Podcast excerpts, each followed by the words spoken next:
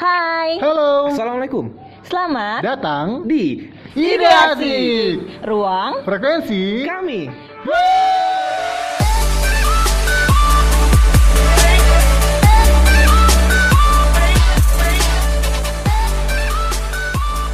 Hai Dio, selamat datang di frekuensi kami. Em, Di sesi kali ini yang bertugas menjadi lead adalah gua, James Dan em, jadi untuk hari ini tuh tema kita adalah tentang liburan tahun baru. Yeay.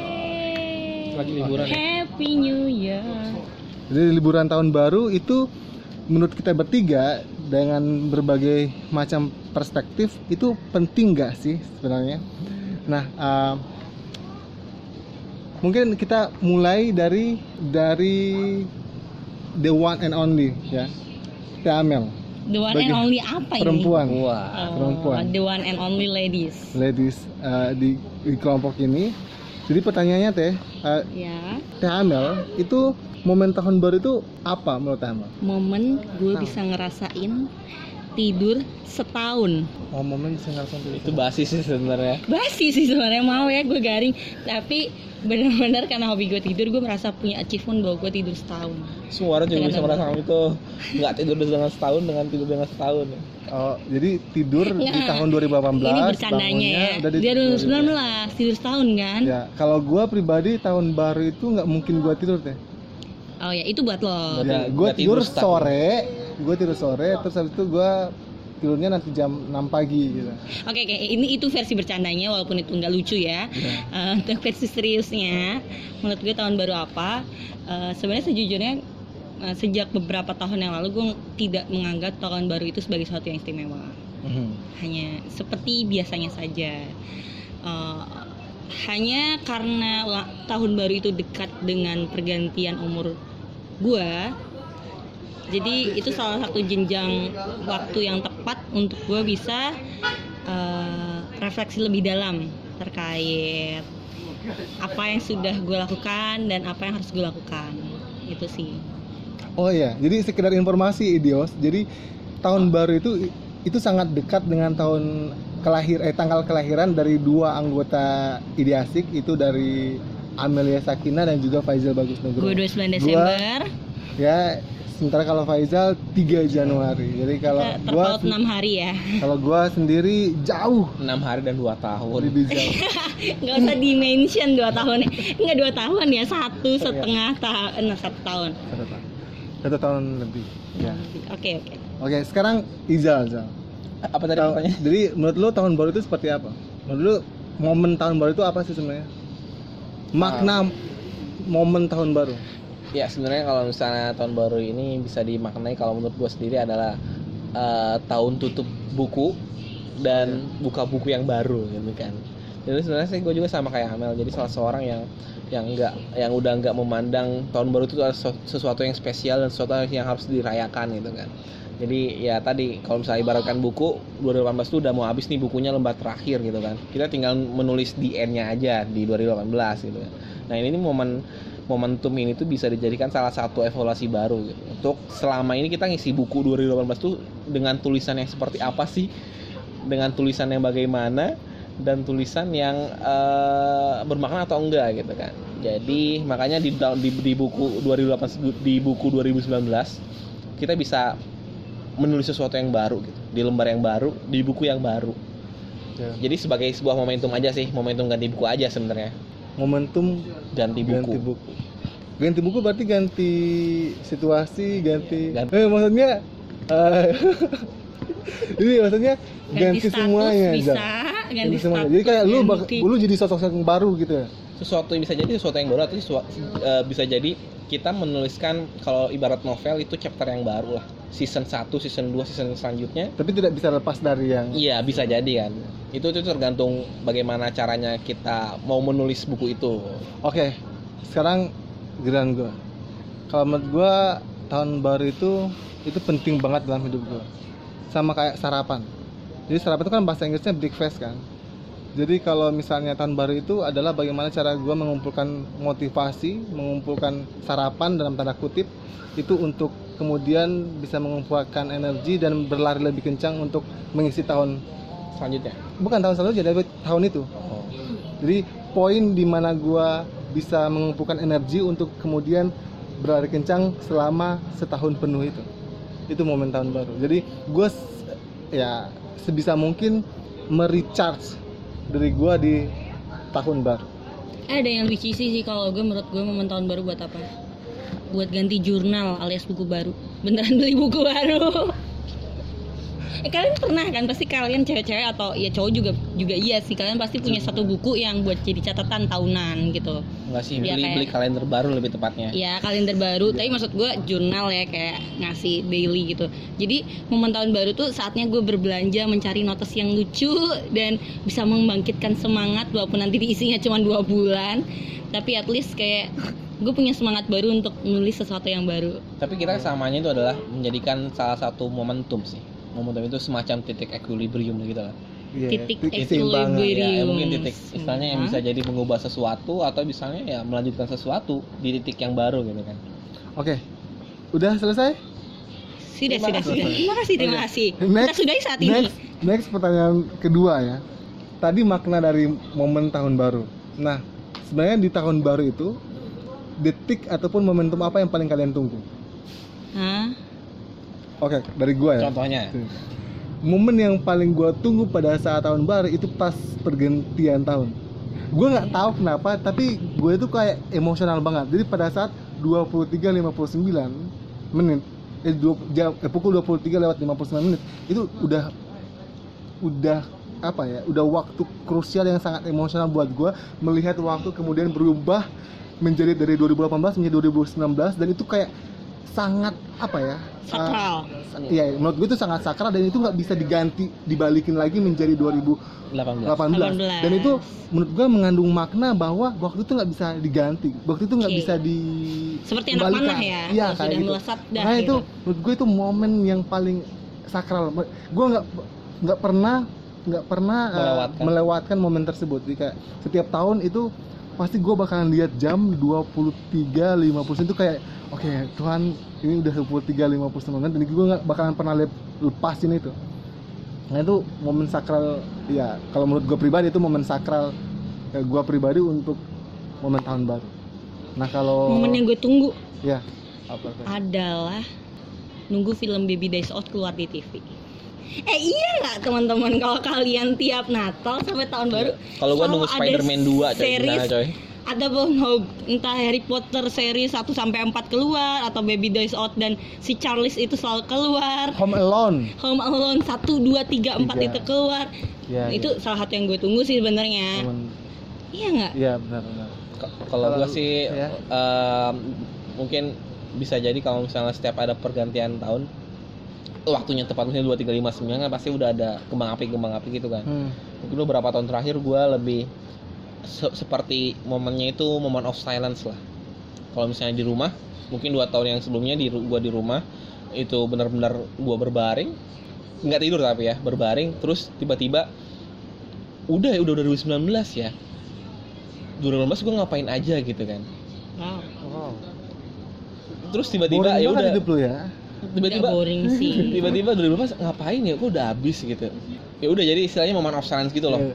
di, di, di luar hingar-bingar Jadi fireworks yang wah sangat banyak itu gitu ya. jedung. kontemplasi lu. iya kontemplasi tapi tapi gue ngerasa kosong banget jadi 2018 ya Tapi lu lu berdua ngerasa gak sih kalau misalnya tahun baru sendiri tuh kayak lu ah gimana gitu ya. kayak ya gue nggak tahu tapi kalau gue pribadi ngerasa tahun baru tuh sakralnya itu ya hampir mirip kayak Idul Fitri gitu loh jadi kayak Kalau Idul ada Fitri gue rame-rame sih. iya kayak uh, agak agak gimana emosional Momen gitu kayak emosional. Iya. Hmm. kayak sangat sangat fluktuatif pada saat itu Ya, makanya gue merasa waktu pokoknya waktu tahun kemarin juga kan ada acara bareng kan ya, eh, ngumpul-ngumpul aja gitu waktu waktu banyak orang-orang tuh pada naik ke bukit buat lihat fireworks tapi gue tetap stay di rumah atau di tempat itu ya udah diem aja gitu ya, Ijal anaknya introvert banget berarti gue anaknya kayak istilahnya emosional gitu kan emosional Oh iya. melankolis gitu tiba-tiba gue oh udah ganti tahun ya Hmm. itu momen of silence sih itu yang mungkin yang momen yang tadi lu kata Oke deh. Kalau Nanti gua versi cut di situ. versi seriusnya lagi ya sebenarnya momen tahun baru itu momen penting buat gue karena momen untuk ketemu keluarga. Karena itu irisan irisan dari semua hal libur buat uh, nyokap gue sebagai seorang guru Iya. bokap gue yang ngambil nggak ngambil project pada tahun baru dan gue sendiri yang saat itu biasanya lagi kosong-kosongnya project dan masih bisa cuti gitu. Jadi menurut gue momen tahun baru tuh momen kumpul keluarga sih lebih tepatnya. Walaupun sesimpel cuman naik ke atap terus bakar sosis berempat aja itu sudah jadi satu momen Oh, kan iya, gitu iya, benar, ya gue tuh anaknya nggak bisa melankolis sih walaupun gue juga nggak bilang gue tidak memanis-maniskan di depan orang tua gue tapi gue merasa itu gue terharu aja bisa kumpul keluarga Sepakat, sepakat. jadi family time family time Iya untuk orang-orang rantau. time ada family Iya, time orang dan oh, ya. Untuk Di situ orang-orang juga anak rantau ya. Rantaunya tapi nggak terlalu jauh. oke oke sekarang eh, Izal kalau liburan? Adalah hal penting. Itu kalau menurut lu semua ya Izal, Tiana dan juga gua itu liburan itu apa sih? Maksud gua adalah eh, biasanya lu itu menikmati liburan itu kapan Kalau gua momen terbaik Hmm. untuk lu menikmati liburan? Gue mendefinisikan liburan itu bukan hanya liburan kita keluar kota ke pantai atau hangout dengan yang lain gitu kan. Gue memaknai liburan itu lebih ke kita gue mengambil break take a break gitu loh. Jadi kalau misalnya semua udah penat istilahnya kantor banyak kerjaan banyak diomelin sama bos gitu kan. Jadi ada ada satu momen yang harus gue lakukan yaitu adalah take a break which is kalau misalnya didefinisikan bisa liburan juga lah ya. Istilahnya ya refreshing moment. Itu sebenarnya sangat-sangat penting karena ya tadi kalau cara gue itu istilahnya menyendiri di mana pun itu misalnya tapi kebiasaan sih gue nonton sendiri.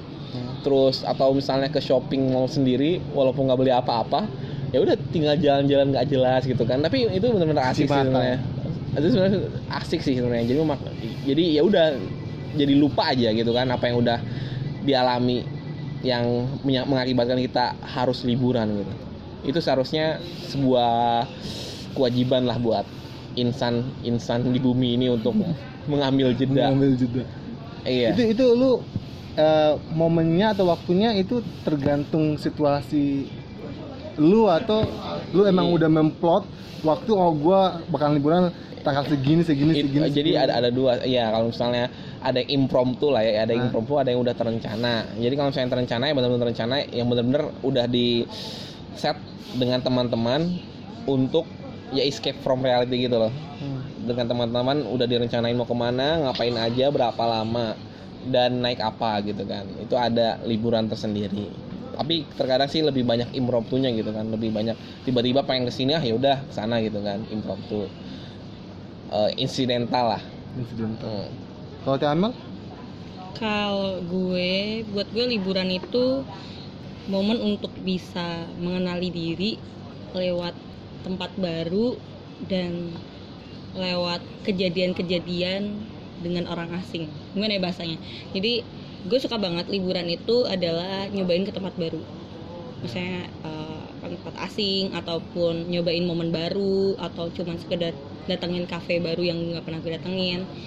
Cuman bisa agar bahasanya apa ya gue kak eh, bahasa ilmiahnya itu footprint gitu loh. kayak bikin footprint baru di satu tempat gitu dan kenapa gue suka seperti itu karena eh, kayak kalau dilihat dari atas tuh kan kita kecil banget ya Yep. jadi ketika gue bikin satu footprint itu kayak oh semut ini tuh udah nyampe mana-mana gitu. Jadi kayak eh semut. Ya gue sebagai sesosok semut di semesta ini kayak punya jejak di mana-mana gitu. Meninggalkan jejak ya? meninggalkan jejak gitu membuat destinasi-destinasi baru. Tapi dari destinasi itu uh, gue bisa memaknai apa makna gue kehadi- apa makna kehadiran gue di setiap tempat baru itu gitu. Mem- oh jadi belajar untuk memaknai situasi bukan belajar untuk memaknai posisi lu kayak Iya gitu. posisi gue di tempat-tempat baru tersebut.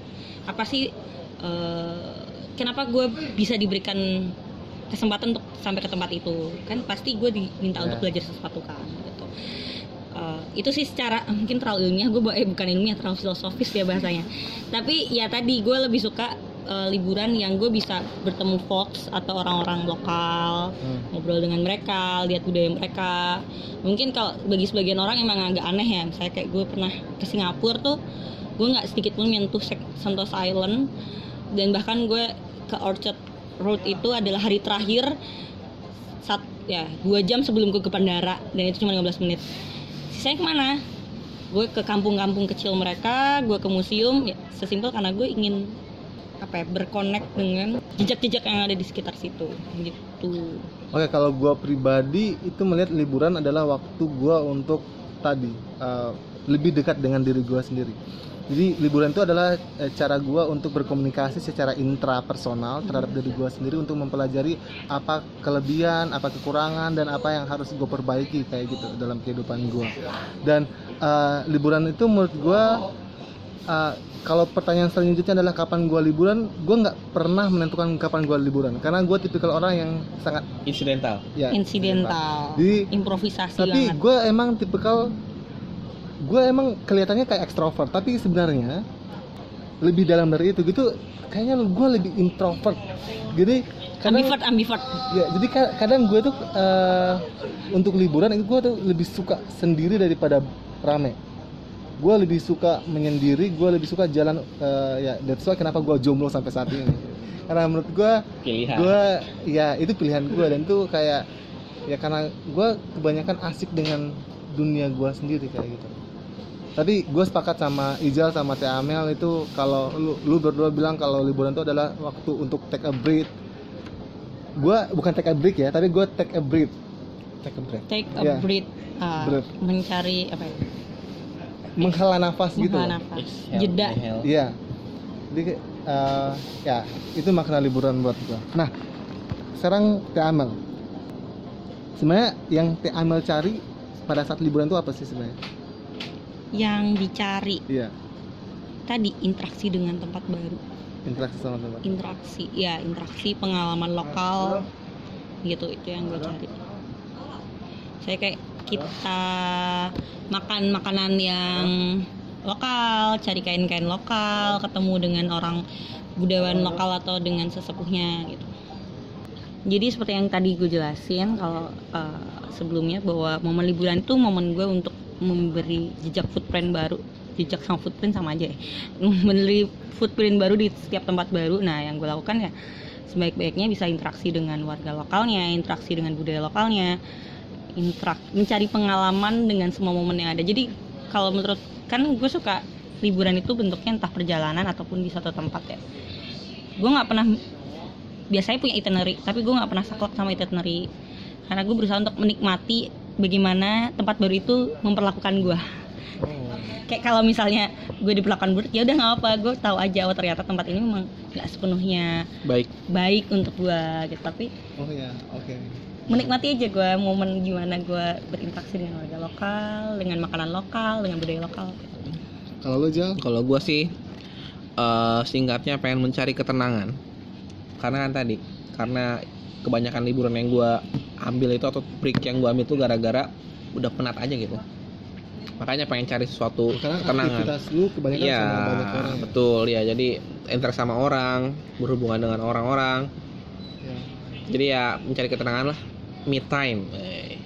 Kalau Lu James Kalau gue ya sama aja sih menurut gue. Jadi kayak karena gue bilang liburan itu adalah take a breath, breathe, ya breathe. Jadi ya gue berpikir bahwa liburan itu adalah waktunya gue untuk kemudian memberikan kesenangan pada diri gue sendiri sambil belajar diri gue terhadap diri gue sendiri. Ya kontemplasi lah, berkontemplasi. Ruang dengan- kontemplasi. dengan uh, dengan dengan diri gua ter- ter- terkait dengan apa yang sudah gua lalui kayak gitu. Sekarang gua mau ke gua deh. Eh enggak, Iyalah. Ijal. Tadi kan kita udah ngomongin soal tahun baru sama liburan. Nah, sekarang pertanyaannya sesuai dengan tema kita. So, menurut lu liburan tahun baru itu penting gak sih sebenarnya?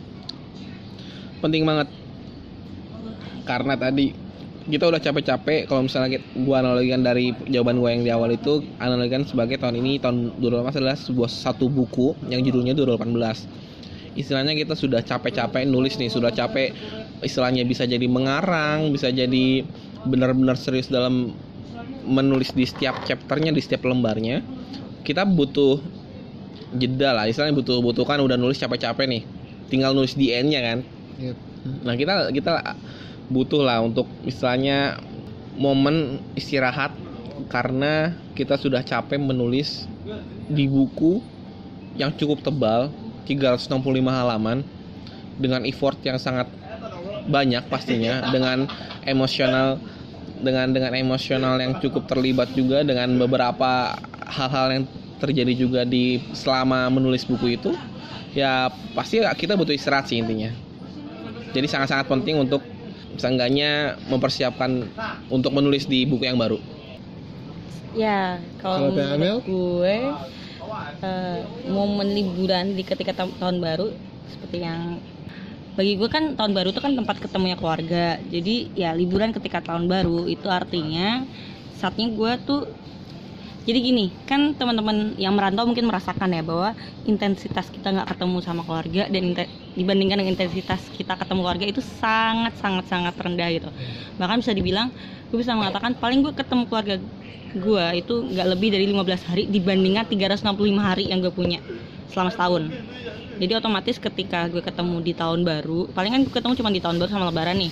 Jadi kayak up- proses updating dan mengenal lebih dekat lagi keluarga gue gitu jangan selama ini gue melewatkan banyak hal dan melewatkan banyak sekali uh, perubahan-perubahan yang terjadi di setiap anggota keluarga gue gitu. Jadi momen tahun baru itulah momen untuk lebih dekat dan mengenal lagi updating yang terjadi di keluarga gue Wow. gitu. Rapat keluarga ya berarti. nggak ra- sampai rapat sih. Tapi tahun ini gue mau rapat sih. Buat ya. Membicarakan? Ya untuk gue sendiri dengan orang tua gue. eh, target yang tiga per tiga itu. dua per tiga. Nggak, kan satu per tiga satu per tiga. Oh iya tiga per tiga. Tiga per tiganya. ya eh, iya sih menurut gue. Apalagi buat teman-teman yang merantau ya. Ini sekedar, sekedar saran sih dan gue baru sadar juga beberapa tahun ini bahwa sering kali kita udah ngerasa kita dewasa jadi kita boleh mengambil keputusan terhadap kehidupan kita atas apa pun gitu. Eh, sebenarnya itu ya hak teman-teman sih dan hak gue juga gitu. Tapi jangan lupa sebenarnya keluarga lo tuh juga akan sangat bahagia ketika dilibatkan dalam setiap perubahan yang terjadi setiap tahunnya lu gitu. Paling nggak beritahu itu sudah sangat penting gitu. Update kehidupan ya? update kehidupan ataupun update keputusan yang ingin diambil di tahun Bener depan. Banget.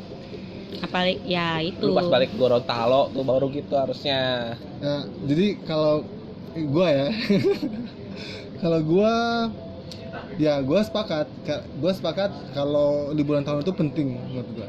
Karena ya tadi gua bilang kan eh, tahun baru itu kayak ya seumpamanya pola makan itu eh, itu sarapan. Dan sarapan itu menurut gua harus diisi sama hal-hal yang berkualitas untuk kemudian ya kayak breakfast. Jadi breakfast gitu kan. Jadi filosofinya seperti itu.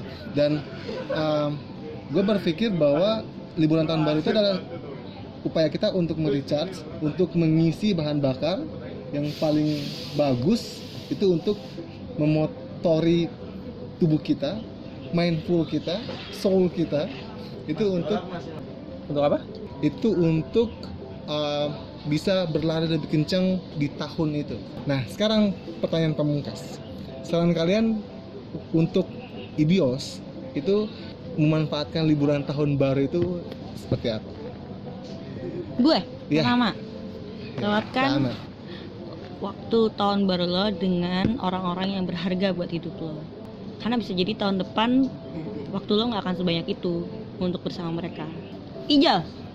Kalau gua kalau tadi jangan melewatkan dengan orang-orang berharga. Lewatkan. Oh, harus lew harus melewatkan dengan orang-orang yang berharga di hidup- kehidupan kalian. Kalau menurut gua jangan sampai kalian melewatkan sesuatu yang berharga pula di jangan jangan sampai kalian jangan sampai kalian me- jangan sampai kalian melewatkan sesuatu yang berharga di pergantian tahun juga. Maksudnya bisa jadi dengan cara berkontemplasi diri, misalnya merenung atau misalnya atau, atau mengevaluasi diri atau misalnya kita ikut acara-acara positif yang lainnya gitu kan misalnya kayak apa muasabah akhir tahun gitu. Woi. Iya, bisa jadi banyak dibandingkan dibandingkan dengan acara-acara yang lainnya gitu kan kita sebenarnya pilihan kan. Ini kan salah satu pilihan yang hashtag ganti start jangan sampai kita melewatkan suatu momen ini yang yang kita sama-sama sepakat menjadikan salah satu titik balik lah ya dengan sesuatu yang berharga pula gitu kan jadi kerasa momennya pas aktivitasnya juga pas kayaknya jawaban gue udah diwakili oleh lu berdua kayaknya Eh, oke tapi saran gue buat idios ya memanfaatkan ini liburan kan liburan awal tahun ini sebenarnya nggak terlalu panjang ya ya Hmm. palingan paling mentok itu satu minggu, lah, minggu. satu minggu dan itu pun karena ambil cuti ya, sebenarnya tapi kalau per kalender itu sebenarnya cuma 2 sampai tiga hari Iya. kan. jadi menurut gue ya memaksimalkan waktu itu sebaik mungkin either itu untuk diri lu sendiri ataupun dengan orang-orang terkasih lu kayak gitu kan. Jadi kalaupun lu memutuskan untuk tahun baru ini bersama dengan orang-orang terkasih lu, lu harus memanfaatkan tiga hari itu sebagai waktu yang berkualitas untuk orang-orang terkasih itu. Tapi kalau misalnya lu memanfaatkan tahun baru ini untuk me time, itu lu harus benar-benar memanfaatkan bahwa tiga hari itu atau liburan awal tahun itu memang benar-benar upaya lu untuk berkontemplasi diri Berkualitas untuk itu. lebih membuat diri lu lebih berkualitas lagi ke depan. Oke. Mungkin kalau dikunci itulah momen apresiasi diri ya. Iya. Jadi bener sepakat banget. Jadi tahun baru itu adalah momen apresiasi Apresiasi diri. Ya. dengan berbagai macam cara. Cara. Karena kita sudah melewati banyak drama di 2018 sehingga Sudah. kita harus Ya, tubuh lo untuk- sudah di apa ya dikuras untuk kerja kerja kerja gitu kan jadi ketika tahun baru Harus ganti. take a breath Ya, ganti semangat yang baru Semangat. lagi untuk bisa meningkatkan semangat baru ya. Mungkin untuk sesi frekuensi ini itu hanya sampai di situ ya. Cukup ya. frekuensi tentang Tentang lib- liburan tahun baru tahun baru penting nggak sih? penting nggak sih Ya, oke. Sekian dari kita bertiga.